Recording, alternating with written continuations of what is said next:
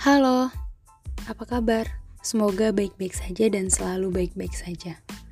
Kenalin, nama gue Salsabila, seorang mahasiswi yang semesternya udah gak muda lagi, yang disuruh nyari masalah, malah nyari tutorial, yang disuruh buat judul skripsi, malah buat podcast.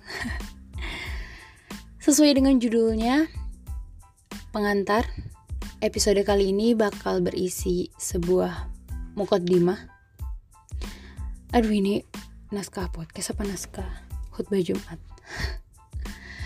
Bakal berisi pembukaan dari gue.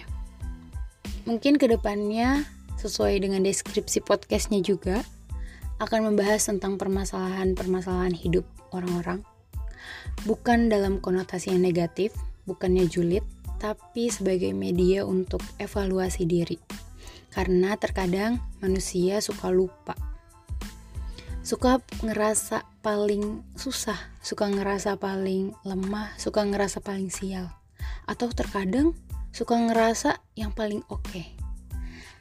Kita butuh waktu-waktu tertentu buat ngeliat orang lain, buat berkaca kepada diri kita sendiri. Bagaimana diri kita jika dibandingkan dengan orang lain? Bukan untuk membandingkan prestasi yang mana nantinya menimbulkan rasa insecure tapi untuk membangkitkan motivasi diri ke depannya menyelesaikan permasalahan kehidupan yang ada. Oke segitu aja. Gak banyak-banyak omong karena nanti bakal jadi ngelantur ke mana-mana. Anyways thank you buat kalian yang udah coba dengerin podcast ini dan see you in the next episode